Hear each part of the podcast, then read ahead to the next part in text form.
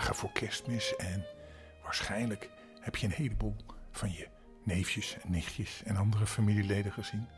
En nu lig je in bed. En nu is opa Roper om een verhaaltje te vertellen. En een mopje natuurlijk. Want twee oenen drinken een kopje thee, zegt de ene oen tegen de andere. Als jij raadt hoeveel koekjes er in de koekjestrommel zitten, krijg je ze alle vijf. En dan zegt de andere oen. Drie. Wat een domme oen. Hij zegt toch alle vijf. Dan zitten er toch vijf koekjes in de trommel. Melle en Jens leiden schipbreuk. En ze spoelen aan op een onbewoond eiland. En na weken komt er een schip voorbij. En de kapitein wil hen wel meenemen, maar op één voorwaarde. Jullie moeten honderd van dezelfde dingen verzamelen. De jongens gaan de jungle in en al gauw komt Melle terug met honderd bessen. Die moet je één voor één opeten zonder te lachen, zegt de kapitein. En Melle begint, maar bij de 99ste best proest hij het ineens uit. Waarom moet je nu lachen? vraagt de kapitein. Nou, zegt Melle. Kijk, ik zie daar Jens aankomen lopen. Met honderd kokosnoten. hij denkt natuurlijk, die moet hij ook op de eten. Nou, we hebben nog, want dat mag nog, nog een tweetal verhaaltjes over kerstmis. Ik zal je de eerste vertellen. Eigenlijk gaat hij over Engelaar. Weet je,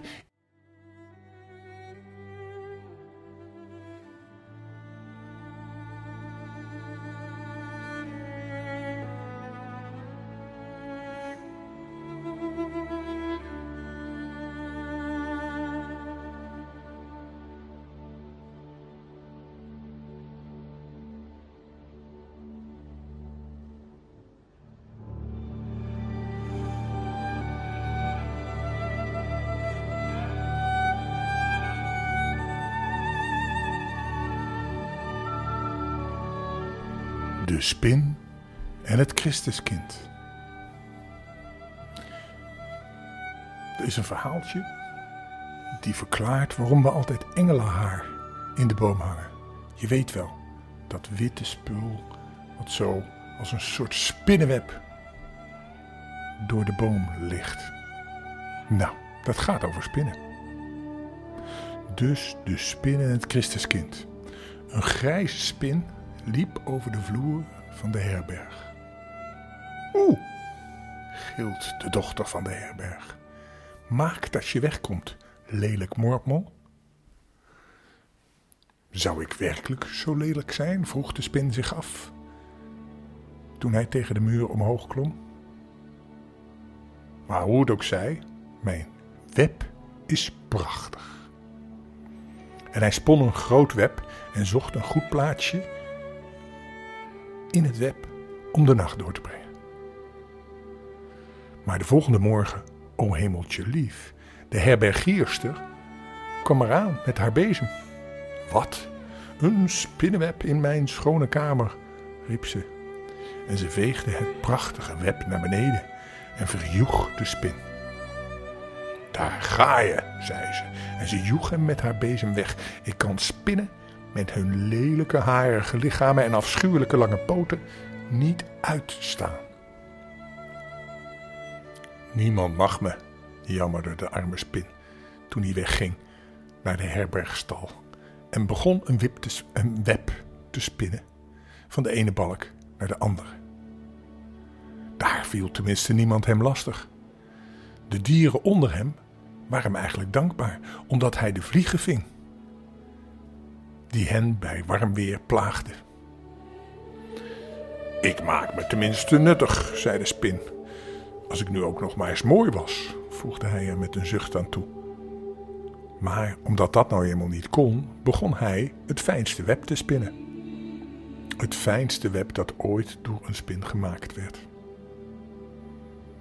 Hij werkte er al sinds lang aan.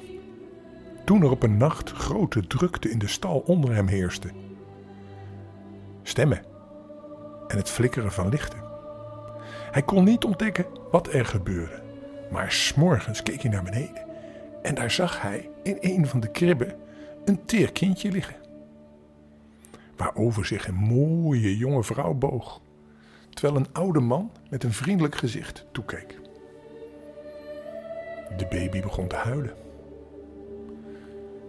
Hij heeft het koud, zei zijn moeder.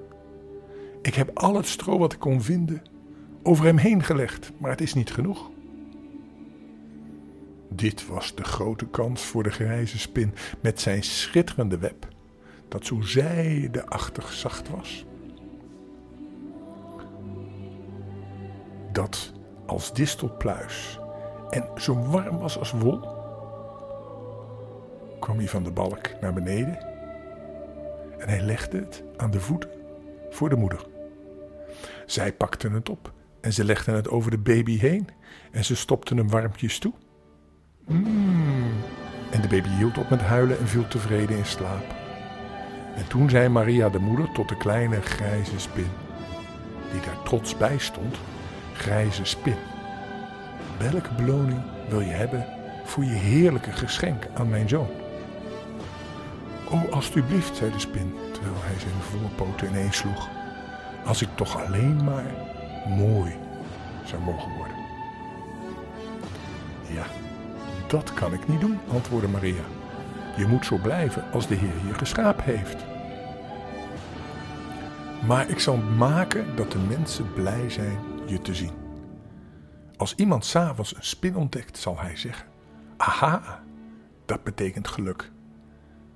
En daarom beschouwt men het tot de dag van vandaag als een teken van geluk wanneer men s'avonds een spin ziet.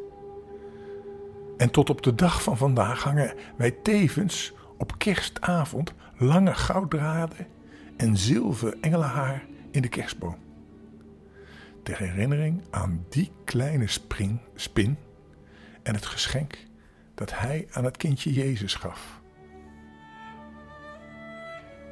Nou, is dat geen mooie legende over engelenhaar in de kerstboom? En de grijze spin, niemand wil lelijk zijn, hè? dus ook de grijze spin niet. En die is nu blij dat iedereen denkt dat hij geluk brengt. We hebben nog een verhaaltje. De belofte van de harpspeler. Er was dus een harpspeler die zo mooi kon spelen. En hij zong zulke prachtige liederen dat hij in het hele land beroemd was. En ook de koning hoorde zulke wondere dingen vertellen over zijn kunst, dat hij een paar boden uitzond om hem op te halen. Zij moesten hem vragen om mee te gaan, zodat hij voor de koning in het paleis zou kunnen zingen en spelen. De koning wilde hem graag horen. En hij gaf zijn afgezanten de volgende boodschap mee. Ik zal niet eten en niet slapen voor ik je gezicht heb gezien. En voor ik de tonen van je harp heb gehoord. Deze, deze woorden moesten ze net zo lang voor de koning, van de koning opzeggen, tot ze ze wel konden dromen. En toen pas gingen ze op weg. Ze kwamen voor het huisje van de harpspeler aan en ze riepen: Gegroet, o harpspeler, kom buiten en luister naar ons, want we hebben je iets te vertellen waarmee je heel blij zal zijn. Maar toen de harpspeler de boodschap van de koning vernam, werd hij bedroefd. Want hij had een vrouw en een kind en een heel klein bruin hondje. En hij zag er tegenop hen met kerstmis alleen te laten. Hij wilde hen niet missen. En zijn vrouw en zijn kind en het kleine hondje wilden hem niet missen. En die zeiden: Blijf toch bij ons, smeekten ze. Maar de harpspeler zei: Ja, ik moet wel gaan. Hè. Het zou zeer onbeleefd zijn om de koning teleur te stellen. Maar zo zeker als de hulstbessen rood zijn en de dennenbomen groen, even zeker zal ik met kerstmis thuis zijn om mee te eten van de kerstpudding en de kerstliederen te zingen aan mijn eigen haard. En nadat hij deze belofte had gedaan, hing hij zijn harp op zijn rug en hij volgde de bode van de koning naar het paleis. Hij werd met veel eerbewijzen ontvangen. En de koning deed alles om hem een plezier te doen. Hij sliep op een bed van het zachtste dons. En hij, had, hij at van gouden borden aan de koninklijke tafel. En als hij zong en speelde, luisterden alle mensen en alle dieren. Vanaf de koning tot de muizen in de provisiekamer. En ze, ze hielden hun adem in als ze naar deze muziek luisterden. Maar ja, bij alles wat hij deed, feestvieren, rusten, spelen, zingen of luisteren naar de lof die iedereen hem toezwaaide, vergat hij geen ogenblik de belofte die hij had gedaan aan zijn vrouw, zijn kind en zijn kleine bruine hondje. En toen nu de dag voor kerstmis was aangebroken, nam hij zijn harp in de hand en hij ging naar de koning om afscheid te nemen. Maar de koning wilde hem niet missen, die wilde geen afscheid nemen. Hij zei: Ik zal je een paard geven, zo wit als melk, zo glanzig als santijn en zo vlug als een hert. Als je hier maar wilt blijven en op kerstdag wilt spelen en zingen aan de voet van mijn troon. Maar de harpspeler antwoordde: Sorry, maar ik kan niet langer blijven, want ik heb een vrouw en een kind en een klein bruin hondje. En ik heb hun beloofd dat ik met kerstmis thuis zou zijn. Dat ik mee zou eten van de kerstpudding en de kerstliederen zou zingen voor mijn eigen haard. Toen zei de koning: Als je hier blijft en op kerstmis speelt en zingt aan de voet van mijn troon, zal ik je een wonderboom geven. Die zomer nog winter, winter zijn bladeren verliest. En elke keer als je aan dit boompje schudt, zal er een regen van goud en zilver voor je voeten neervallen. Maar de harpspeler antwoordde: Ik mag niet langer blijven, want mijn vrouw en mijn kind en mijn kleine bruine hondje wachten op mij. En ik heb mijn woord gegeven dat ik op kerstmis thuis zou zijn. Dat ik mee zou eten van de kerstpudding en de kerstliederen zou zingen voor mijn eigen haard. Maar de koning gaf het niet op. Als je op kerstdag één wijsje voor me speelt en één lied voor me zingt, zal ik je een fluwelen kleed geven. En je mag naast me zitten, op de troon, met een ring aan je vinger en een kroon op je hoofd. Maar de harpspeler antwoordde: Ik wil niet langer blijven, want mijn vrouw en mijn kind en mijn bruine hondje kijken al naar me uit. En ik heb vast beloofd dat ik met kerstmis thuis zou zijn. Dat ik mee zou eten van de kerstpudding en de kerstliedjes zou zingen aan mijn eigen haard. En hij wikkelde zich in zijn oude mantel. Hij hing zijn harp op zijn rug. Hij verliet het paleis zonder verder een woord te spreken. Hij had nog niet ver gelopen toen veel kleine witte sneeuwvlokjes uit de lucht naar beneden kwamen dwarrelen. Het was of ze fluisterden: Bedenk wat je doet, bedenk je eens goed. Je gaat een moeilijke reis tegemoet. Maar de harpspeler zei: Ja, ja, ik zie wel dat de lucht donker is en er zal zeker veel sneeuw vallen. Maar ik heb een vrouw en een kind en een kleine bruine hond en ik heb vast beloofd dat ik met kerstmis thuis zou zijn. Dat ik mee zou eten van de kerstpudding en de kerstliederen zou zingen voor mijn eigen haard. Maar het begon al harder en harder te sneeuwen. En weldra waren alle heuvels en dalen, heggen en greppels bedekt met een dik wit tapijt. Van alle paden en wegen was niets meer te zien. En de wind joeg de wind op tot hoog wallen midden over de grote weg. De harpspeler struikelde. De harpspeler viel. Maar hij dacht er niet aan om terug te keren. En terwijl hij verder reisde, ontmoette hij de wind. En de wind zei: Harpspeler, harpspeler, wees toch wijs. Keer terug naar het paleis.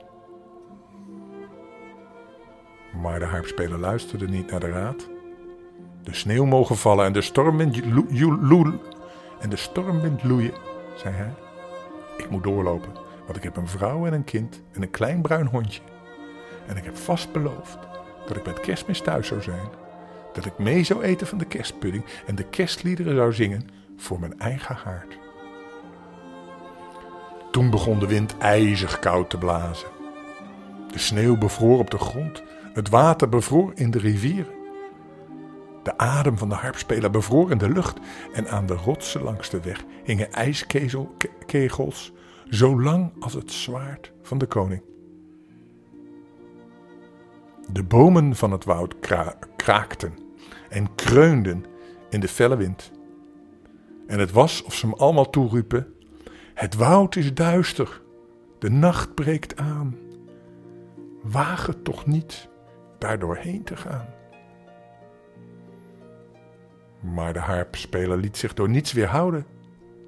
De sneeuw mogen vallen, de stormwind loeien en de nacht mogen mij overvallen in het donkere woud, zei hij.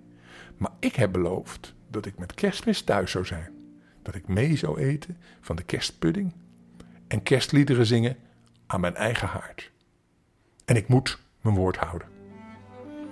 En voort zwoegde hij, totdat hij het laatste glimpje daglicht zag verdwijnen en de duisternis zwaar tussen de bomen hing. Maar de harpspeler was niet bang in het donker. Al kan ik ook niet zien, zei hij, ik kan tenminste nog zingen. En jubelend klonk er een kerstlied door het bos. Een lied van Jezus' geboorte, van de engelen die zongen. En van de ster die straalde boven de stal van Bethlehem. Toen hield het op met sneeuwen, de wind ging liggen. De bomen van het woud bogen hun takken om te luisteren. En, o wonder, terwijl hij zong, veranderde de duisternis rond hem in stralend licht. En toen het lied uit was en de harpspeler opkeek, stond hij vlak voor de open deur van zijn huisje. Zijn vrouw en zijn kind en zijn kleine bruine hond hadden al op hem uit staan, staan wachten en uitstaan kijken. En ze liepen de harpspeler jubelend tegemoet. De hulstbessen blonken helder rood in de kerstkransen. En de kerstboom was een frisgroene jonge den. En de kerstpudding zag zwart van de pruimen. En de harpspeler voelde zich gelukkiger dan een koning. Toen hij aan zijn eigen haard de oude kerstgiederen zong voor zijn vrouw, zijn kind en zijn kleine bruine hond.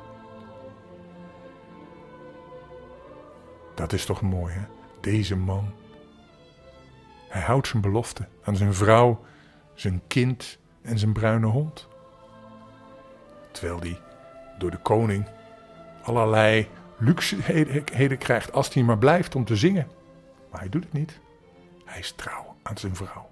En dat is goed. Nou, nu gaan we lekker slapen. Ga maar dromen van de harp. Tot morgen. Dag.